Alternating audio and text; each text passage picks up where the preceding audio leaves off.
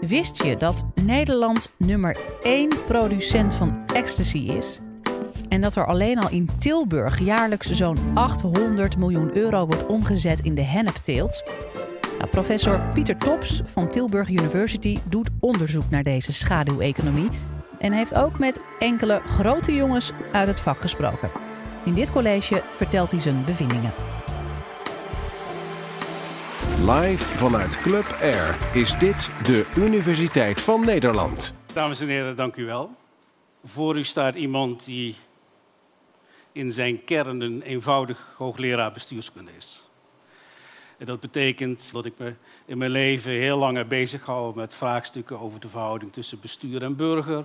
En hoe die verbeterd kan worden en wat je daarvoor moet doen. Ehm, en ik heb eigenlijk nog qua achtergrond, nog qua studie, veel te maken gehad met de wereld van de georganiseerde misdaad in Nederland. En toch ben ik in die wereld terechtgekomen. Althans, in de bestudering daarvan. Ehm, hoe is dat zo gekomen? Ik neem u een beetje mee op mijn ontdekkingstocht. Die ontdekkingstocht begon een jaar of vijf geleden, toen ik door de burgemeester van de stad waar ik woon, Tilburg, gevraagd werd om eens mee te denken over een brandend verhaal wat op zijn bureau lag. En in dat verhaal stond dat de omzet van de hennepwereld in Tilburg en omgeving op jaarbasis een bedrag was van tussen de 700 en de 900 miljoen euro. Laten we het even afmaken op 800 miljoen. Dat rapport kreeg ik te lezen. En ik had dezelfde reactie als denk ik heel veel andere mensen ook hebben. Die kan niet waar zijn. Hier moet in het optellen en aftrekken der dingen iets vreselijk misgegaan zijn. Dus we hebben ons daar met een ploegje mensen nog eens op gezet. We hebben het rapport op de grill gelegd. En het begon wel een beetje te sissen. Maar de belangrijkste conclusies bleven toch vier overeind. Het was alleszins plausibel, die 800 miljoen en die 2500 mensen die er zich op dagelijkse basis mee bezighouden. Ik vond dat shocking. Dus ik heb daar ook consequenties aan proberen te verbinden. In die zin dat ik dacht, ja, mijn omgeving is te eenzijdig samengesteld. Ik moet om die wereld te kunnen gebruiken, moet ik mijn netwerken uitbreiden, moet ik met andere mensen contacten zoeken en tot andere werelden proberen toegang te krijgen. In het kader van die heroriëntatie ging ik met een wijkagent ging ik eens op bezoek. Iemand die je gevoeglijk kunt beschouwen als een grote jongen in de drugswereld. En als ik zeg groot, dan bedoel ik ook groot. Dat is honderden miljoenen moet hij en zijn familie verdiend hebben in de wereld van de synthetische drugs. Dus wij staan daar. En na tien minuten komt hij naar buiten. Ik kende hem toen nog niet, maar hij komt op ons af. De schrik sloeg me om het hart, eerlijk gezegd. De eerste keer van mijn leven dat ik bewust tegenover een grote crimineel kwam te staan. Dus ik heb toen iets heel raars gedaan. Ik heb namelijk mijn bril afgenomen. Ik dacht, dan herkent hij me later niet. Een beetje een idiote handeling, maar ja, oké, je moet wat. Hij komt, hij komt om ons af en zegt, hey, leuk dat ik jullie hier tref. Mij ken je ook nog, die wijkagent. Leuk dat ik jullie hier tref. Um, ik wist het trouwens al lang, want het was me gemeld. Hmm. Oké, normaal lees je dat alleen in boeken. En niet lang daarna gebeurde het volgende. Uh, in die wijk werden woningen afgebroken. En wat gebeurde er? Er dwarrelden ineens honderden dollarbriefjes door de lucht. Want kennelijk was in de spouw van een van die afgebroken huizen, dat was een, uh, een bedrag aan dollars achtergelaten. Hoeveel is niet bekend precies, maar het moeten er heel veel geweest zijn. Nou goed, die dollars dwarrelden daar dus door de straat. Uh, nou, dat, het werd snel druk daar, daar kunt u zich iets bij voorstellen. Uh, dus mensen grabbelden wat dingen bij elkaar. Ook de man van de machine, die de machine bediende, die kwam niet uit de wijk. Wat dacht je, nou ik hier toch ben, er liggen hier nog een paar van die uh, stapeltjes, laat ik die ook maar meenemen. heel snel kwamen er al een paar potige types uit de buurt die kwamen de orde bewaken, geld innemen, uh, pistool tegen het hoofd van de machinist, zou ik maar even zeggen, van degene die een machine bediende. Teruggeven, jij was niet de bedoeling. Vooral de zekerheid werd de nacht daarop zijn machine ook nog maar in de brand gestoken. Oké, dit was mijn eerste kennismaking. Dat smaakte in zekere zin toch naar meer. Dus ik ben me daar verder in gaan verdiepen. En ik wil jullie iets gaan vertellen over die wereld van drugs in Nederland. Maar laat ik van tevoren zeggen, um, het gaat mij niet om het gebruik van drugs. Ik wil geen war on drugs. Ik ben zeker niet tegen medicinaal gebruik van drugs. Tegelijkertijd, dat gezegd zijnde, mogen we denk ik ook onze ogen niet sluiten voor het feit dat die drugswereld in Nederland, de productie en de handel, volkomen uit de hand gelopen is.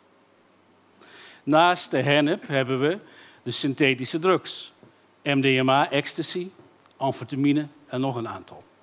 Dit zijn de belangrijkste. Het is een beetje de specialiteit van het huis. Ecstasy wordt eigenlijk, MDMA wordt eigenlijk alleen maar in Nederland geproduceerd. Sinds de tweede helft van de jaren 80. Deze plek was ook een historische plek voor de verspreiding van MDMA, de ITS in die jaren. Um, en het is nogal een logistiek proces omdat de samenstellende delen, de stoffen die je nodig hebt om MDMA te produceren, ecstasy, komen uit China en Oost-Europa. Dat komt zo naar Nederland, in belangrijke mate via illegale transporten. Wordt hier in Nederland geassembleerd tot de pillen die we willen hebben. Met overigens een steeds hoger MDMA-gehalte. En vandaar vanuit Nederland vervolgens weer over de hele wereld geëxporteerd. En een pilletje wat in Nederland qua productiekosten ongeveer 20 cent kost, kun je in Australië verkopen voor ongeveer 25 Australische dollar. Dat is nog eens een verdienmodel, zou ik zeggen. En ook binnen Nederland, in landen als Zweden, kost een pilletje ook al snel 16 euro. Natuurlijk zitten er allerlei tussenfiguren tussen, die ook allemaal hun deel van het geld opeisen, maar het is een enorm verdienmodel. Ook hier weer miljarden, miljarden per jaar. Nou, en dan hebben we tot slot nog de invoer en doorvoer van cocaïne. Dat wordt geproduceerd in Zuid-Amerika, zoals wij weten. En komt vervolgens, 30 tot 50 procent is de schatting van de cocaïne die Europa binnenkomt, komt via Nederland, Rotterdamse haven, andere havens, Antwerpse haven, komt het Nederland binnen. En uh, nou, in 2016 zijn er in de Antwerpse haven ongeveer 13.000 kilo cocaïne in beslag genomen.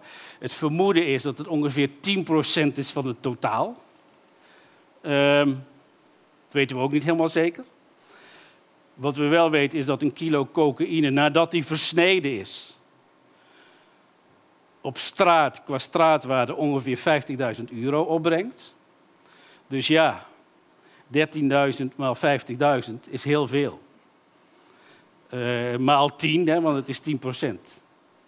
En dan weten we ook dat inmiddels Antwerpen de positie van Rotterdam als belangrijkste invoerhaven heeft overgenomen. Maar veel van de cocaïne die in Rotterdam, in Antwerpen binnenkomt, is bestemd en besteld en betaald door mensen die hun basis in Nederland hebben. Dus als je dat allemaal bij elkaar optelt, dan komen we op een. Nou ja, de schattingen zijn op, op Europese basis 25 miljard.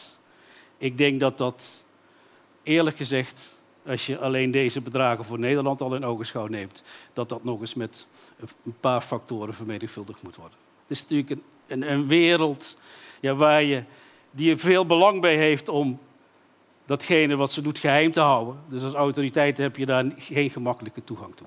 Oké. Veel geld dus. Geld wat voor een deel ook in Nederland landt. Wat is nu het probleem? Is het probleem dat hier veel geld verdiend wordt? Ja, misschien ook wel, want het is illegaal geld, er wordt geen belasting over betaald. Maar goed, dat vind ik eigenlijk nog niet het grootste probleem. Het grootste probleem vind ik eerlijk gezegd en dat wordt groter en groter, is dat die illegale geldwereld, waarvan een belangrijk deel ook consumptief besteed wordt, aantrekkingskracht uitoefent op meer en meer groepen. Mensen die in de problemen zitten, mensen die snel rijk willen worden, soms ook mensen die onder, onder druk gezet worden. Die op een of andere manier in die wereld instappen. En of dat nou gaat voor geld voor volkswijken, voor woonwagenkampen, voor motorclubs, of het geldt voor etnische groepen, of het geldt voor winkeliers, of het geldt voor restauranthouders, of het geldt voor scholieren, of het geldt voor vissers, of het geldt voor boeren, of het geldt voor voetbalsupporters. Overal komt die wereld, die illegale wereld verbonden met drugs, komt binnen en zet zaken naar zijn hand of zet mensen naar zijn hand. En dat vind ik eerlijk gezegd een groot maatschappelijk probleem worden. Laat ik op één van die groepen ingaan. De tijd ontbreekt, me om dat bij allemaal te doen. Ik zou het kunnen. Ehm, de groep scholieren. Ik werd uh, begin dit jaar, begin vorig jaar, sorry, werd ik uh, benaderd door een groep scholieren met de vraag van ja, eh, u heeft toch dat boek geschreven? Ik heb er een boek over geschreven. Wij hebben eigenlijk ook nog wel iets te vertellen. En die wisten mij toen haar fijn uit te leggen hoe die wereld van de drugs ook is neergestreken op de middelbare scholen. En dan niet. Kijk, ik ben van 1956 en ook ik heb wel eens een sticky gerookt op de middelbare school toen. Hè?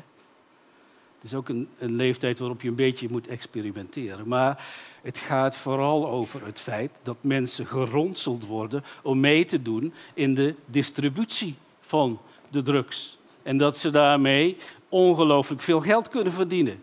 dat je met één klein uh, couriersdienstje even een, een, een, Albert Heijn tasje met iets anders erin dan de boodschappen van Albert Heijn op, op en neer brengen van stad A naar stad B, dat je daar makkelijk 600 euro mee verdient op een middag.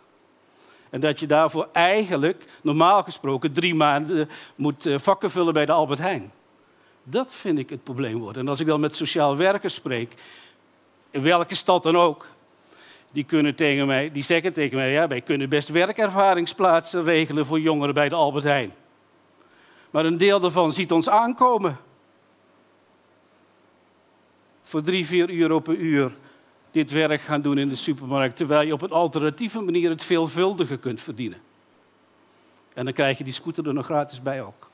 Dit is wat mij betreft de kern van het vraagstuk waar we het hier over hebben, wat te maken heeft met die volkomen uit de hand gelopen wereld van de productie en van de handel in drugs, waar Nederland op Europees niveau een draaipunt is.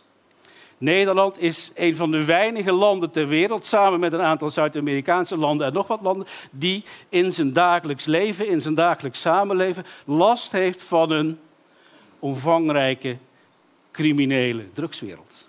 Dat moeten wij ons realiseren. Dat is een ongemakkelijke waarheid, maar ik denk dat we dat niet kunnen laten voortbestaan. Waarom Nederland? Eén, pakkans is laag. Het is zo'n omvangrijke wereld. Twee, straffen zijn laag als het over drugs gaat. Dat is ook bekend in de criminele wereld. Voor drugsproductie in Nederland krijg je geen hoge straffen. En die 2,5 jaar die je uiteindelijk overhoudt, is, is nog een mooie tijd om een beetje uit te rusten en nieuwe kennissen op te doen. Uh, alles wat Nederland voor de legale economie interessant maakt, maakt Nederland ook interessant voor de illegale economie. Of het nou, de gateway to Europe. Een fantastische infrastructuur, weg, water, lucht, digitaal, financieel. Kan ook voor andere dingen gebruikt eh, worden. Een handelsmentaliteit. Heel Holland handelt. Ehm, vrij verkeer van goederen en personen in Europa. Groot goed, maar tegelijkertijd kan dat ook door criminelen enorm misbruikt worden. Sinds we dat hebben, is de relatie tussen Nederland en Oost-Europa als het gaat om uitwisseling van criminele goederen enorm toegenomen. En laten we dat ook zeggen, toch een tolerante houding ten opzichte van drugsgebruik. Dat heeft het gedoogbeleid tenminste weten te bewerkstelligen. Nogmaals, ik ben niet per se tegen gebruik van drugs. Maar het gemak waarmee het overal te krijgen is en het gemak waarmee er over gesproken wordt, is wel een probleem in zichzelf. Tot slot, kunnen we er iets aan doen als we dat zouden willen? Dat zal niet eenvoudig zijn. Een vraagstuk wat in 50 jaar ontstaan is, kunnen wij niet in twee jaar of in drie jaar oplossen en terugdringen. Wat hoort daarbij? Eén, waar ik eigenlijk zelf vrij positief over ben, is dat er de afgelopen jaren van onderop, vanuit die wereld van gemeenten, gedragen door een aantal burgemeesters, een vrij stevige beweging op gang is gekomen om dit onder de aandacht te brengen en terug te dringen. Want wij zien ook hoe dat delen van onze samenleving ondermijnt, ondergraaft. Dus daar ben ik eigenlijk vrij optimistisch over. En daar is ook samenwerking tussen gemeente, burgemeester, politie, openbaar ministerie, belastingdienst en dergelijke voor nodig. Altijd ingewikkeld, overheidsorganisaties moeten samenwerken, maar het gaat wel de goede kant op. Uh, twee, waar ik mijn hart een beetje bij vasthoud, is de omvang en de stevigheid van het justitieel apparaat in Nederland. Capaciteitstekort, strafmaat te laag, strafrecht als logistieke nachtmerrie. Ik vat het me even kort samen. Uh, maar dat is wel iets omdat toch strafrecht een morele markering van fout gedrag is. Maar dan moet je mensen ook kunnen bestraffen op een manier die ertoe doet. Als derde de centrale overheid, die ook net doet alsof dit een groot probleem is, maar dan komt met een fonds eenmalig van 100 miljoen euro. Wat ik in het licht van de omvang van de problematiek echt een fooi vind. Dus uh, dit echt tot een serieus vraagstuk benoemen is er voorlopig nog niet bij, behalve soms mooie woorden in verkiezingscampagnes. Als vierde denk ik dat, dat, nieuwe vormen, dat dit nieuwe vormen van sociaal investeren vereist. Want het is voor een deel ook een sociaal probleem. En een sociaal probleem alleen aanpakken met repressieve middelen leidt tot grote ongelukken. En als vijfde denk ik toch dat wij ons drugsbeleid ook in die zin moeten herrijken dat we in samenwerking met het buitenland moeten gaan zoeken naar wat verantwoorde vormen van regulering zouden kunnen zijn. Goed, ik hoop jullie duidelijk gemaakt hebben dat hier iets speelt. Ik hoop jullie duidelijk gemaakt hebben waarom Nederland zo'n enorm lucratieve plek is geworden om, in, om drugs te maken en in drugs te handelen. En ik hoop jullie duidelijk gemaakt hebben dat we, dat, eigenlijk, dat we daar eigenlijk niet bij kunnen laten zitten. Dat we er iets aan moeten doen. Ik dank jullie wel.